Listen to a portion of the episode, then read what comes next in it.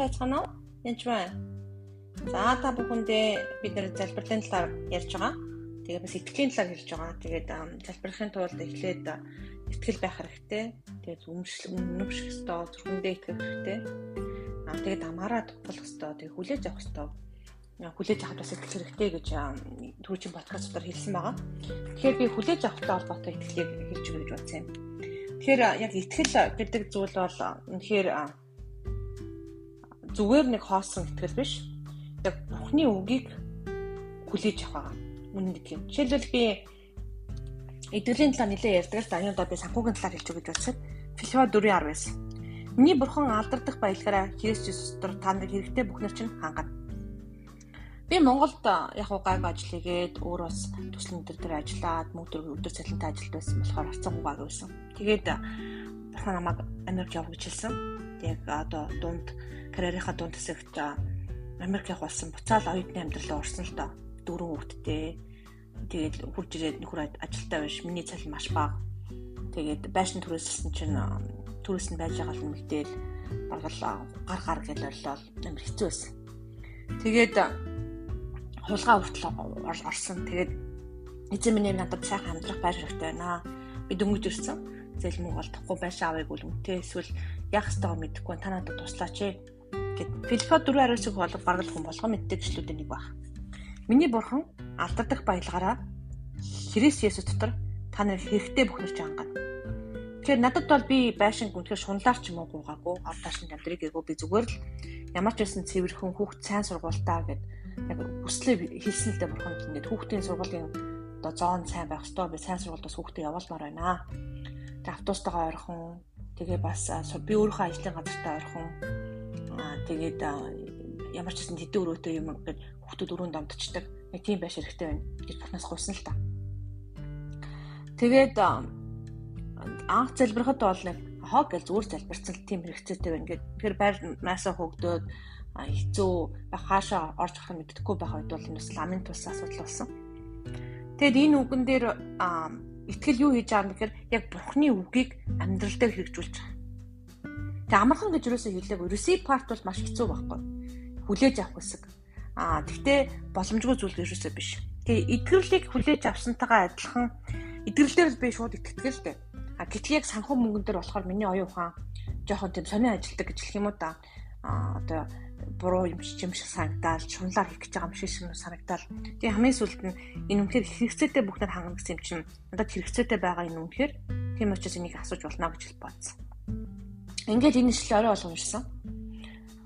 Тэгжээтэл аянда байр авах тийм боломжууд олцсон. Тэг ямар ч боломжгүй бүхэн үгүй гэж яагаад маш хэцүү зөндөө олон буцаад банк татгалзаад дунд нь маш олон юм болж исэн.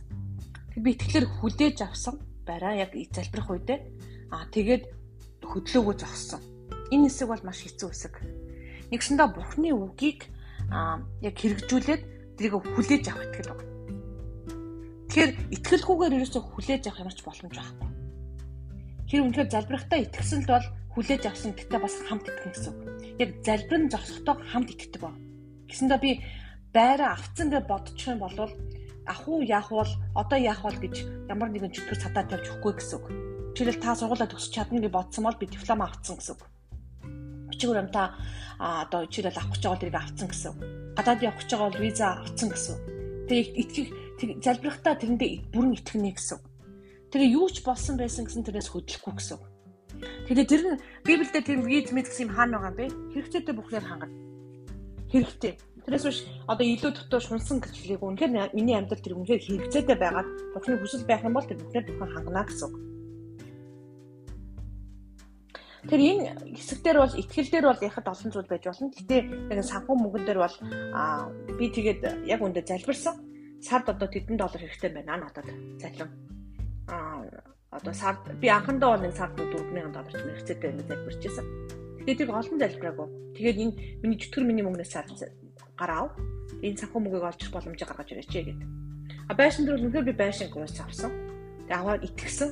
Тэгээл бурхан надад илчилт өгсөн. За ямар ч байсан чи Крисмасаас өмнө байртаа олно гэж хэлсэн. Тэгээ тэрнээс хойш 3 сар дотор та өдөр болгон сони юм болж байсан. Гэтэ би яг энэ ишлэлээ уншаад ишлэл дээрээ бат зогж байсан. Би яг энэ ишлэл дээр зогсож байна. Та хэрэгцээтэй харах хангамж би танд итгэж байна. Энэ бол нэг тийм амархан байгаагүй. Ер нь бол аа тэгээд өдөр болгон сонин сонин мэдээ уусдаг өө чи гадаад иргэн чи болохгүй л гин. Өө чиний цалин ч өрөхгүй байна л гин. Эсвэл нь өө чи танаа нөхөрч ажилгүй байна л гин. Эсвэл тэгээд ажиллаж хүж ажилд оронгууд ийм юм болохгүй байна гэл. Гих мэтлэн ерөөсөө одоо нүдэд одоо дэлхийн нүдээр амьдралаар одоо махан биеийн нүдээр харах юм бол ямар ч боломжгүй зүйлээс боломжтой зүйл болж гарч ирсэн байна.